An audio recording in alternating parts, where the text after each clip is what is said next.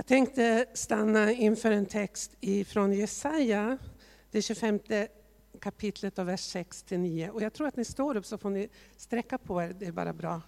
Medan ni lyssnar till texten, ni kommer att få se den sen, men den kommer inte upp just nu, så nu får ni lyssna.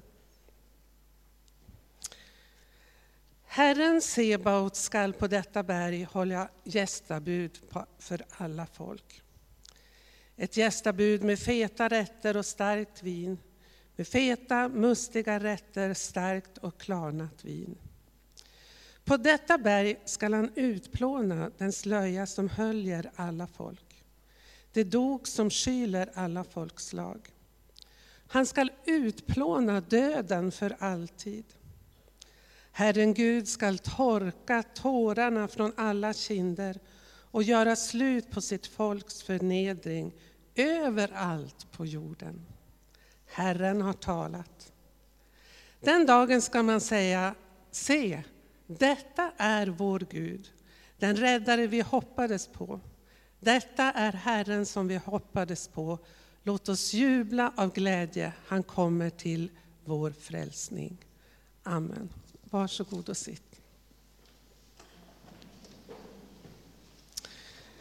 Ibland när vi läser Bibeln så kan en text som vi har läst flera gånger komma till oss direkt som en uppmuntrande tilltal.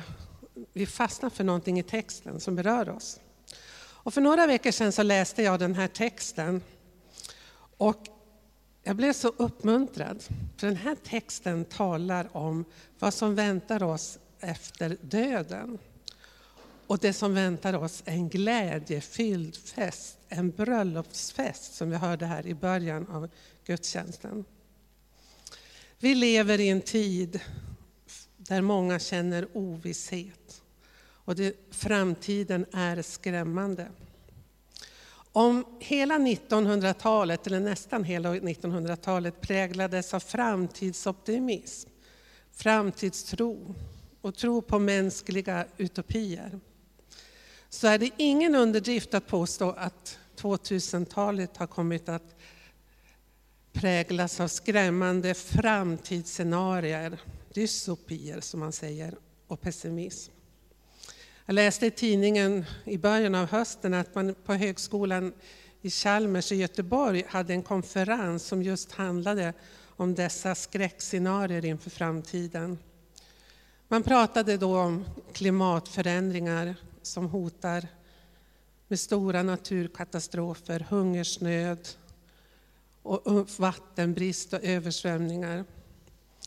Och därpå följer troligtvis större och fler flyktingkriser ökade konflikter och krig. Och så pratar man om det som kallas artificiell intelligens, som jag knappt kan uttala. Men det handlar om att man forskar väldigt mycket, och det har ni säkert sett på, att datorer ska ta över mycket av det arbete som vi gör idag. Men inte bara det, man forskar och forskningen har kommit så långt så man säger att det kanske kommer att bli så att de här robotarna kan tänka själv och kan visa känslor och ta in känslor och då i nästa steg kanske till och med börja styra oss istället för att vi ska styra dem. Och det här verkar ju väldigt skrämmande. Det är flera forskare som varnar för det här. Nästan varje dag så läser vi om, eller hör om lidande som drabbar människor långt borta. Och även i vår stad. Och vi vet att kristna runt hela vår värld, många, många är förföljda, förtryckta, lider av det. Förföljelse mot de kristna har bara ökat. Och jag läste i dagen här i veckan att det finns en organisation inom katolska kyrkan som, som följer upp det här och har studerat 149 länder och man ser att förföljelsen har ökat. Och de som förföljs mest i vår värld är kristna, 75 procent av alla som är förtryckta. Hur förhåller vi oss till det lidande som omger oss? Ja, vi kan bli avtrubbade. Vi läser gång på gång om krig och elände och nu katastrofer, så till slut blir det ett terroristbrott till. Liksom, vi orkar inte ta in det. Vi kan förhålla oss likgiltiga. Ja, så länge det inte drabbar oss så går ju livet vidare. Eller så kanske vi stänger av. Jag tror att det finns en del av oss som helt enkelt trycker av tvn eller radion. Vi orkar inte höra om en enda naturkatastrof till eller ett enda terrorbrott till. Men vi kan också välja en fjärde väg. Att vi ser lidandet i nuet och alla skrämmande framtidsscenarier i ljuset av det som väntar oss bortom döden. Om vi tar till oss det kristna framtidshoppet om festen som jag läste här och kören har sjungit om, så tror jag det kan hjälpa oss att fortsätta att beröras av människors lidande här och nu. Alltså ta in det och visa medkänsla och göra någonting åt det. Och samtidigt att vi håller modet uppe. Att vi tolkar vår samtid och våra egna lidanden i ljuset av Jesu Kristi uppståndelse. Han som har besegrat döden och gett oss ett hopp om en ljus framtid bortom döden. Paulus han skriver så här i Romarbrevet. Att våra lidande i den här tiden ingenting betyder i jämförelse med den härlighet som väntar oss och ska bli vår. Och det här kan ju nästan vara lite provocerande, att våra lidande här i livet ingenting betyder. Men Paulus han sätter det i relation till det som väntar oss bortom döden. Och så skriver han, i hoppet är vi räddade. Ett hopp som man ser uppfyllt är inget hopp. Vem hoppas på det han redan ser? Men om vi hoppas på det vi inte ser väntar vi uthålligt. Vi är alla, när, man, när jag möter en människa och sitter ner och samtalar så tänker jag att den människan har en berättelse. Och ofta så är det så fascinerande när människor berättar om sitt liv och man har gått igenom både lidande och sorg och glädje och så. Vi är alla en berättelse. Men jag tror att vi måste se vår egen lilla berättelse och sätta den i relation till den stora berättelsen som vi talade om i kyrkan. Och det är Guds frälsningsplan. Jag har läst en bok, ja, det var kanske inte så ovanligt att jag tog upp en bok. Jag har läst en bok som, av Åsa Molin som heter Hemvägen, en jättefin bok. Åsa Molin jobbar på Örebro Missionsskola och är teolog. Hon skriver så här. I en värld som ständigt rör sig, rubbas, ombildas, omtolkas, växlar, svajar, girar, faller och stiger, tror jag att Jesus, att Gud inbjuder oss att gå Jesusvägen och att prata ihop oss. Att tillsammans minnas så sant som möjligt. Berätta vår stora berättelse som är Guds historia för att få syn på oss själva vilka vi är och vem som är den orubbliga klippan som alltid kommer att bestå. Varje gång vi samlas för att fira gudstjänst, och inte minst när vi firar, tar emot nattvarden, så förkunnar vi alltså Jesu död.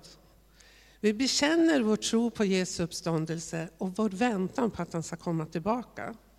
Det är att samlas, vi som tror, för att uppmuntras att gå den här vägen och leva i det här hoppet.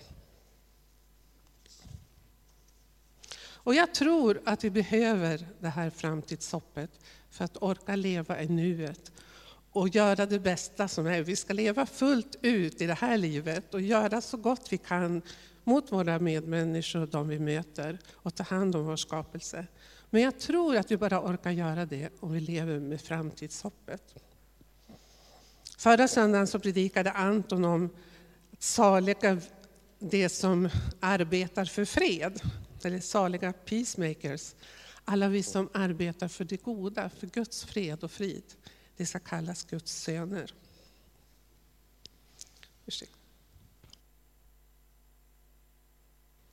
Men nu ska vi tillbaka till Jesaja. Nu ska ni få se versen. Jag ska gå igenom det lite, inte så det ska inte ta så lång tid. Herren skall på detta berg hålla gästabud för alla folk. Ett gästabud med feta rätter, starkt vin med feta och mustiga rätter och starkt och klart vin. Vad som talade till mig när jag läste det här, det var just att Gud har förberett för oss en fest. Med god mat Och starka drycker det är nästan svårt att säga här i en frikyrka. Starkt vin, men det står ju här i Guds ord. Så att det kommer vara glädje och dans och kanske hög musik, jag vet inte, vad tror vi? Åtminstone stark sång. Och då kan du ju fundera på vilken bild lever vi, du och jag, med om livet efter döden? Och det hänger ju väldigt starkt samman med vilken bild har vi av Gud? Att Gud berett en fest för oss efter döden. Vad säger det om vem Gud är? Är Gud en glädjedödare?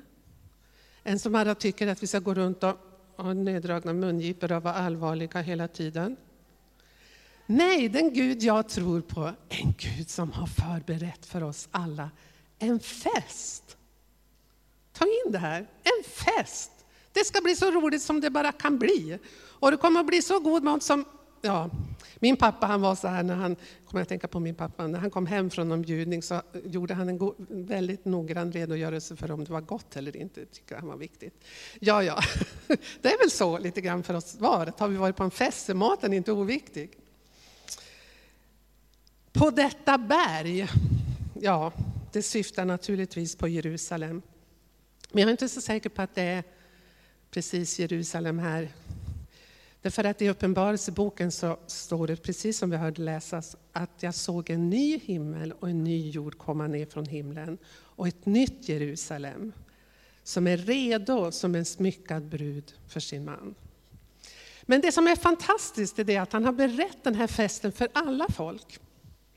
Och därför jag ville att vi skulle sjunga den här sången i början. Det kommer från öst och väst, det kommer från syd och nord. Alltså folk i himlen kommer att samlas från alla folkslag. Precis som det står i Jesaja 7, som vi läste på, i onsdags, på, på mm, onsdagsmässan. Sedan såg jag, och det är Johannes som ser det, och tänker nu himlen, en stor skara som ingen kunde räkna. Av alla folk och stammar, länder och folk. Av alla stammar, länder och folk. Det stod inför Lammet klädda i vita kläder med palmkvistar i sina händer och det ropade med hög röst, frälsningen finns hos vår Gud som sitter på tronen och Lammet. Och Lammet är ju Jesus Kristus i Uppenbarelseboken. Jag tyckte det var så fantastiskt att läsa. Vi behöver påminna oss att i himlen kommer absolut inte bara finnas svenskar. Vi kommer nog vara bara en liten, liten 0,05 mm, procent i jämförelse med hur många folk och folkslag andra som kommer att vara där och lovsjunga Gud. Vi är inte så många vi svenskar. Vi går vidare. Så skriver Jesaja så här. På detta berg skall jag utplåna den slöja som höljer alla folk, det dog som skyler alla folkslag. Det dog som höljer alla folk. Det dog som skyler alla folkslag. Jag tror att Jesaja och även Paulus som skriver om det här i första Korinthierbrevet talar om den här som en slöja som är för, för, för många, många människor att de inte ser vem som är Gud, att de inte ser vem som är Herren Jesus Kristus. Men det här doket kommer att tas bort och en dag kommer vi få se Herren Jesus Kristus ansikte mot ansikte. Vers 8 står det så här, han ska utplåna döden för alltid. Döden är ju människans stora fiende. Döden skiljer vänner, nära anhöriga åt. Och det har vi påminns om den här helgen. Jag läste i tidningen att man säger att man räknar med minst hälften av alla som bor i Sverige har besökt kyrkogården under den här helgen för att hedra sina föräldrar eller andra nära anhöriga som har gått bort. Men det kristna budskapet är att döden är besegrad genom Jesu Kristi uppståndelse från de döda. Och en dag ska döden totalt utplånas. Och så fortsätter det. Herren Gud skall torka tårarna från alla kinder och göra slut på sitt folks förnedring överallt på jorden. Det här återkommer ju i sista kapitlet i Bibeln, Uppenbarelseboken 21, som Mattias läste i början. Att Gud ska torka tårarna från alla kinder. Vad vackert, vad fint. Det ska bli fest i himlen. Det ska vara helt fantastiskt. Vi får säkert skratta mycket. Men våra tårar kommer Gud själv att torka från våra kinder. Precis som det står i saligprisningarna som är predikat i höst. Saliga de som sörjer, de skall bli tröstade. Tror jag nutid, men framför allt framåt. Och Gud ska göra slut på sitt folks förnedring. Alla förföljda nedtryckta skall upprättas och befrias överallt på jorden. Det här tycker jag var fantastiskt. Överallt på jorden. Ja, men vi sitter här i lugna fina Sverige och tycker att vi har det bra. Men visst är det sorg i hjärtat när vi hör hur, hur människor förtrycks i många andra delar av världen. Och vers 9. Den dagen ska man säga, se, detta är vår Gud. Den räddare som vi hoppades på. Detta är Herren som vi hoppades på. Låt oss jubla av glädje. Han kom till vår räddning. Och det här tror jag precis är det Paulus anknyter till i Filipperbrevet 2, där han säger att en dag ska alla knän böjas för Jesu namn, i himlen och på jorden, och alla tungor ska bekänna att Jesus Kristus är Herre, Gud Fadern till ära. Vi ber. Herre, vi tackar dig för att vi får mötas och påminna oss om att du har dött och uppstått för vår skull och för hela världen, alla människors skull. Tack för att vi kan få se fram emot en ljus framtid. Jag tackar dig för det. I Jesu namn. Amen.